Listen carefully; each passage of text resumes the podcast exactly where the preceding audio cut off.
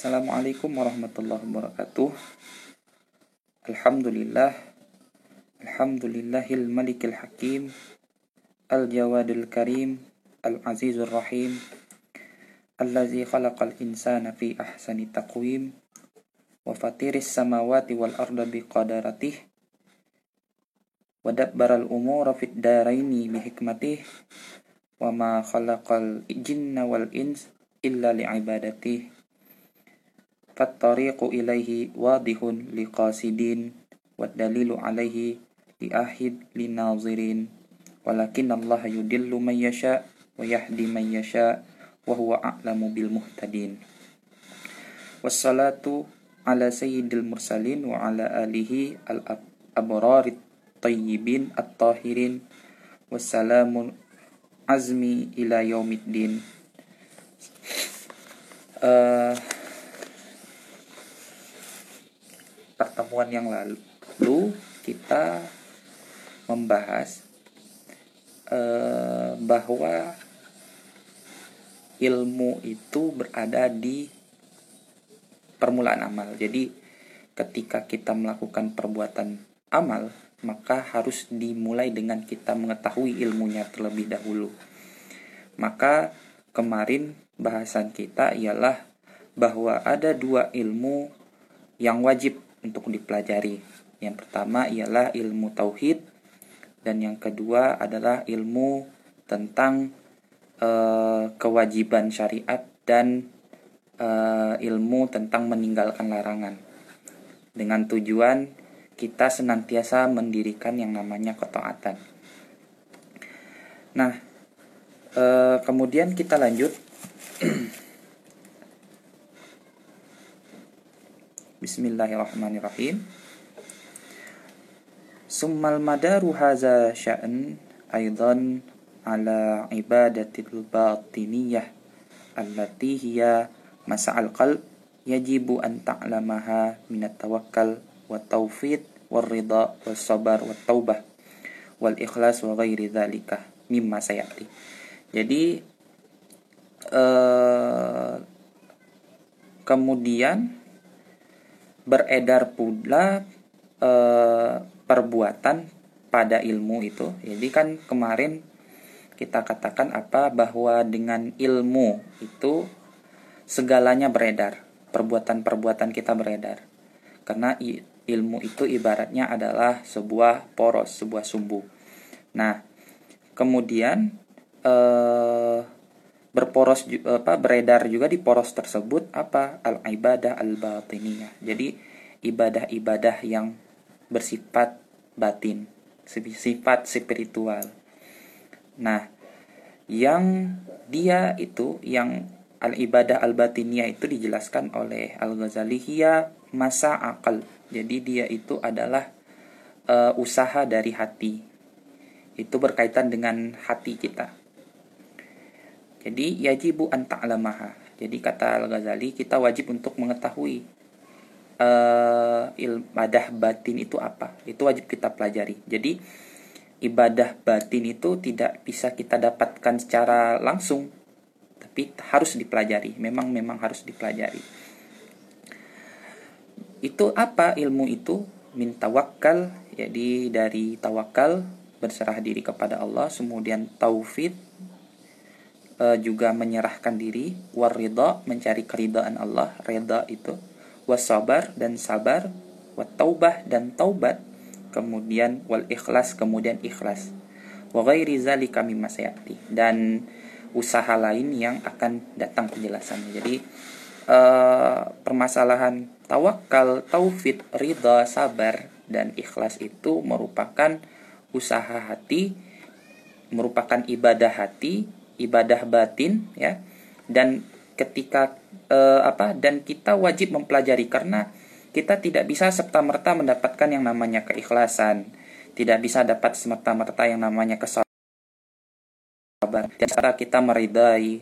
Tidak bisa serta merta kita tawakal secara langsung. Tapi itu merupakan usaha yang dilakukan secara kontinu yang dipelajari secara terus menerus sehingga kita sampai kepada uh, ibadah hati, kesempurnaan ibadah hati tersebut yaitu ikhlas, kemudian sabar, kemudian taufid, kemudian tawakal. Nah, uh, yajibu an ta'lama manahiha. Jadi wajib kita untuk mempelajari uh, apa? Mempelajari kita juga wajib untuk mempelajari uh, apa namanya? Uh, bentar.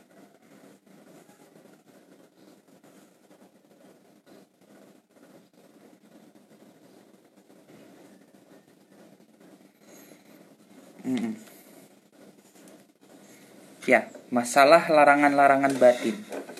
Jadi kan tadi kita berbicara tentang ibadah batin, nah, kemudian juga kita wajib mempelajari manahiha, hal-hal yang terlarang dari batin.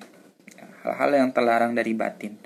Allati hiya addadu min uh, umur. Jadi perbuatan itu adalah yang berlawanan dengan urusan-urusan ini. Seperti apa? Sikhtun marah, kemudian amlun menghayal, arya berbuat ria, al-kibir sombong, lita litajitanib ya sombong kepada orang lain. Eh, dzalika fa inna hadza faraid annas. Nah, maka sebagaimana ya uh, itu harus dijauhi ya. Jadi uh, litajitanib jadi litajitanib zalika. Jadi marah, menghayal, uh, menghayal yang tidak perlu ya. Menghayal-hayal yang tidak mungkin. Kan ada menghayal ini yang mungkin, ada yang menghayal ini tidak mungkin. Nah, yang menghayal yang tidak mungkin al-amn itu tidak boleh. Kemudian ria mencari perhatian beribadah dengan tujuan mencari perhatian orang lain. Kemudian kiber, kemudian sombong. Itu adalah uh, maksiat hati. Nah, kemaksiatan hati, maka litajatanib zalika, maka engkau harus menjauhi itu. Nah, kita lanjut. Fa in haza faraid. Jadi dari eh, hal-hal uh, yang fardu ini ya uh, telah apa? telah jelas uh, perintah Allah Subhanahu wa taala nas nasullahi taala alal amr ya alal amri biha wa nahi anil adadiha fi kitabihi al aziz. Jadi udah jelaslah uh, uh, apa uh, perintah Allah untuk menyuruh memperbuatnya dan meninggalkan yang uh, dilarangnya itu di dalam kitabnya al aziz uh, ala lisan Nabi sallallahu alaihi wasallam dia kitab yang agung atas lisan Nabi Muhammad sallallahu alaihi wasallam. Nah, kama ta'ala sebagaimana firman Allah Subhanahu wa taala wa 'alallahi falyatawakkalu in kuntum mu'minin. Dan kepada Allah lah hendaknya kamu bertawakal jika kamu itu beriman. Kemudian washkurullaha in kuntum iyyahu ta'budun. Maka e, bersyukurlah kepada Allah jika kamu benar-benar e, kamu menyembah kepadanya. Wasbir wa masabruka illa billah. Maka bersabarlah kamu dengan apa-apa yang e, apa telah wa masabruka illa billah. Dan bersabarlah kamu dan tiadalah kesabaran itu kecuali dengan pertolongan Allah ya. Dan juga watabattal ilaihi tabtila. Maka beribadalah kamu dengan penuh ketekunan. Nah itu uh, apa perintah dari hal-hal yang apa ibadah-ibadah yang batin ibadah al-batiniyah. Jadi kita diperintahkan untuk bertawakal kemudian kita diperintahkan untuk bersyukur, kemudian kita diperintahkan untuk bersabar dan kita diperintahkan untuk ikhlas. Nah, hal-hal ini gitu, tawakal, syukur, sabar dan ikhlas itu tidak bisa didapatkan secara langsung. Itu memang harus dipelajari. Nah, itu butuh proses dan wajib kita untuk mempelajari. Begitu kata Al-Ghazali dalam kitab ini. Nah, ay akhlasu ilaihi ikhlasan. Artinya dari ayat tabtil itu tadi ikhlaslah kepadanya sebenar-benar ikhlas. Jadi benar-benar kita hanya bertujuan kepada Allah Subhanahu wa taala. Wa nahwi dzalika minal ayati kama nassa 'alal umuri bis wa saum famalaka. Uh, jadi uh, dan lain-lain dari ayat yang uh, apa berbicara tentang perintah sholat, kemudian perintah uh, apa zakat, kemudian menerima perintah itu. Nah, Famalaka akbal ala salah awil uh, awis saum wa hazil faraid.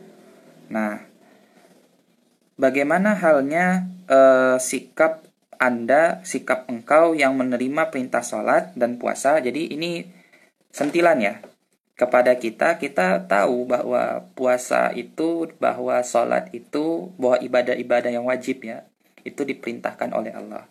Tetapi kita, kita tahu. Nah, Sedangkan apa? Wataraka watarakat hazil faraid. Nah, kenyataannya itu kau meninggalkan eh, perbuatan-perbuatan yang fardu itu. Nah, wal amru bihima, nah, maka uh, jadi perintahnya kita disuruh kita jelas menakbal ta uh, alas alas salati awis saum kita jelas untuk menerima kita jelas menerima ibadah sholat dan ibadah puasa. Tapi apa? Kita meninggalkan ke ibadah batin. Jadi kan e, ibadah itu kan ada zahir dan batin. Nah, ibadah batin kita kita tinggalkan. Kita sholat tapi kita ria. Kita sholat tetapi kita e, tidak e, ikhlas. Ya kan? Kita sholat tapi e, apa? E, tidak menunjuk masih berbuat buruk kan begitu. Itu buktinya apa? Karena kita tidak melaksanakan uh, ibadah batin. Jadi sholat itu kita tidak boleh ria, puasa tidak boleh ria, tidak boleh kibir ya, tidak boleh sombong, haji tidak boleh sombong, zakat tidak boleh sombong kan begitu. Uh, apa tidak boleh menghayal yang tidak perlu kan begitu. Jadi ibadah-ibadah yang wajib secara zahir yaitu seperti sholat, puasa, zakat, haji begitu kan uh, itu harus ada uh, diikuti dengan yang namanya ibadah batin. Itu baru dia bermakna. Jadi sebuah ibadah dia akan bermakna ketika itu dirasakan dengan hati. Jadi ketika kita melakukan apa pun kegiatan, ketika kita merasakan dengan hati, maka e, ibadah itu akan bermakna. Jadi antara ibadah yang syariah itu harus dibarengi dengan ibadah yang batiniah. Jadi itu baru dia berarti. Maka untuk mencapai pemahaman yang seperti itu dibutuhkan ilmu. Nah, maka Imam Al-Ghazali jelas-jelas di situ mengatakan bahwa eh, apa tidak boleh kita eh, beribadah fardu yang jelas-jelas fardu gitu ya, zahirnya fardu, ibadah syariah tanpa ada yang namanya ibadah e, batiniah karena tidak ada gunanya ya kan? Kita beribadah saja tanpa didasarkan dengan hati. Nah kemudian e,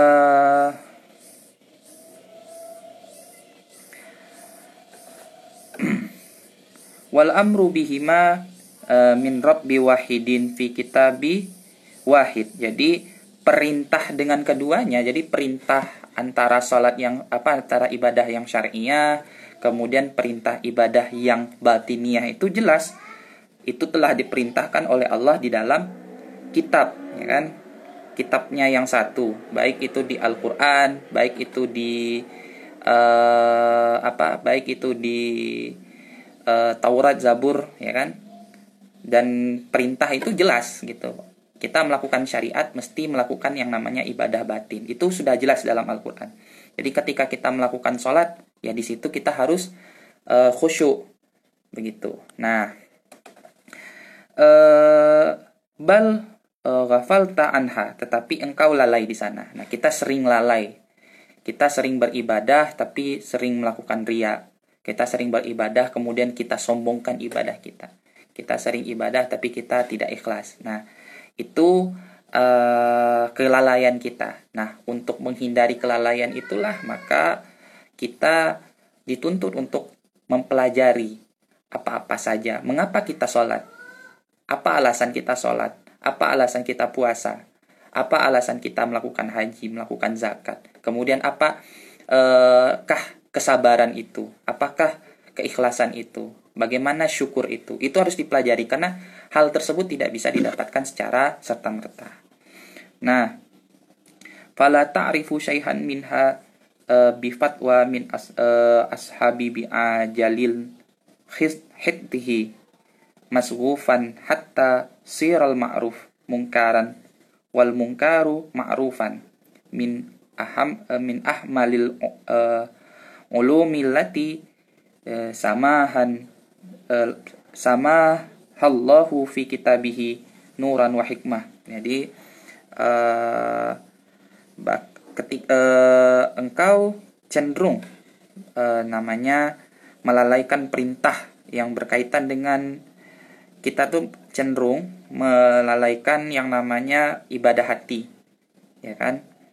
Uh, sehingga apa? Sehingga Allah tidak mengetahui satupun daripadanya. Jadi Allah itu tidak uh, apa namanya tidak memahami ya Allah itu tidak apa tidak mau menerima ibadah kita.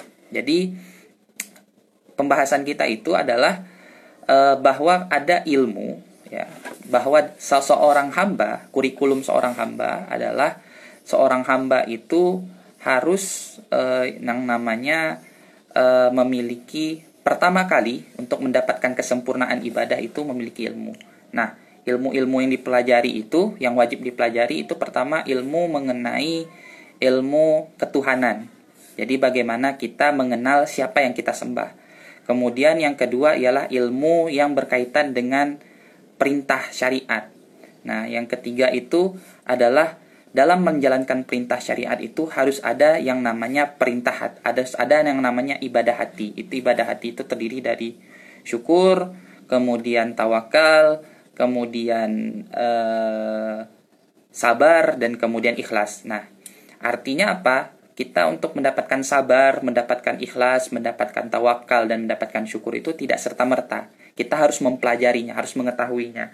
Maka uh, kita sering lalai dalam beribadah karena kita jarang uh, dalam ibadah kita itu uh, yang namanya apa melihat kepada segi ibadah hati. Jadi kita sering sholat saja tanpa apa namanya tanpa melihat apakah sholat kita itu diterima Allah atau tidak kan gitu. Apakah kita ikhlas nggak dengan sholat kita? Apakah kita sudah menunjukkan rasa syukur kita dengan sholat itu Apakah tidak ada rasa ria dalam kita menjalankan sholat?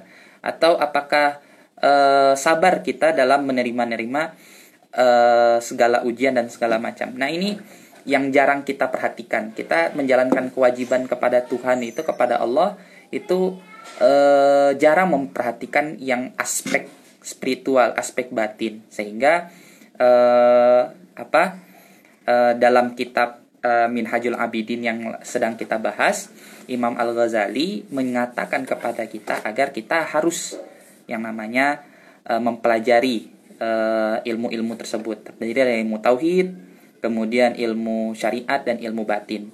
Nah, artinya tauhid itu adalah kita memahami bahwa e, dunia ini adalah wujud dari manifestasi Tuhan. Jadi tiada yang ada di dunia ini kecuali Allah. Kemudian e, ibadah itu sebagai bentuk uh, penghambaan kita. Kemudian penghambaan itu mesti sempurna dengan yang namanya ibadah batin ibadah perasaan. Jadi untuk sampai kepada Tuhan itu dengan perasaan. Uh, ya. Bahkan uh, tadi uh, anda ti engkau tidak mengetahui satu uh, jadi uh, apa kita cenderung lalai tadi ya kemudian engkau tidak tahu satupun daripadanya sehingga apa engkau terkecoh dengan omongan orang-orang yang mengebu-ngebu kecintaannya terhadap dunia. Jadi sehingga apa? Sifat yang terjadi adalah kita terlalu cinta terhadap dunia. Bentuk kecintaan kita terhadap dunia itu apa? Kita takut untuk hidup. Permasalahan manusia itu adalah ketakutan akan kehidupan. Kita takut bagaimana kehidupan kita di masa yang akan datang. Jadi uh, yang terjadi begitu. Yang terjadi ialah ketika kita ya beribadah tanpa merasakannya, maka yang terjadi itu akan ketakutan-ketakutan. Kita sering takut terhadap kehidupan kita, ya kan?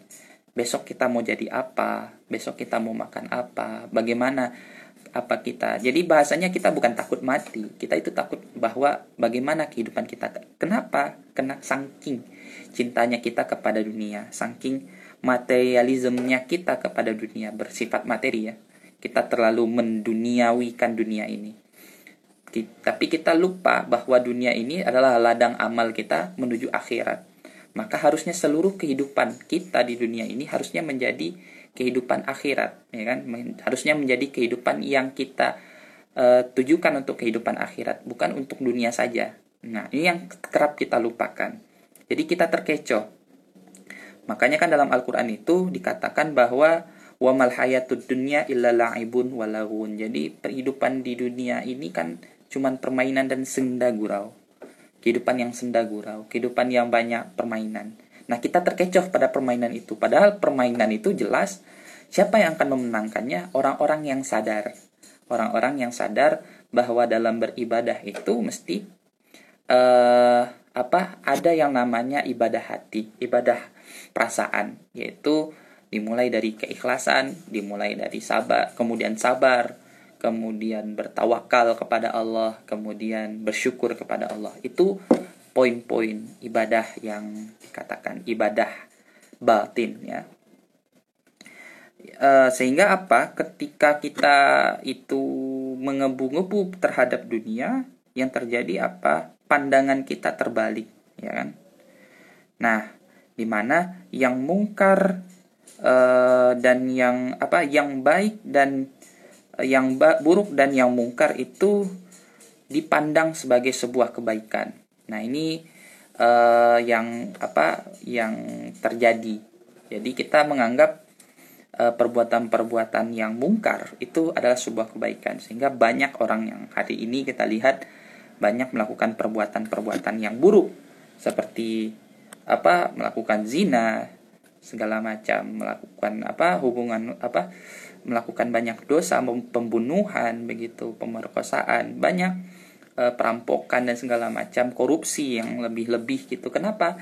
Karena sifat cinta dunianya itu tumbuh. Sifat cinta dunia ini tumbuh kenapa? Karena dia tidak menyadari bahwa hidup di dunia ini hanyalah ladang amal.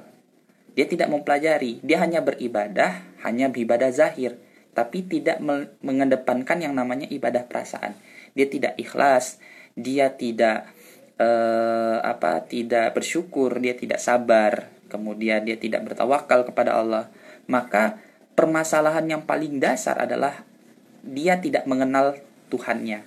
Nah, itu permasalahan pertama. Dia tidak merasakan kehadiran ilahi dalam kehidupannya. Itu kemudian permasalahan kedua dia beribadah, dia sholat, dia puasa, tetapi dia itu berpuasa, sholat dan segala macam ibadah itu bukan kepada Allah tujuannya, tetapi kepada dunia, kepada kesenangan dunia.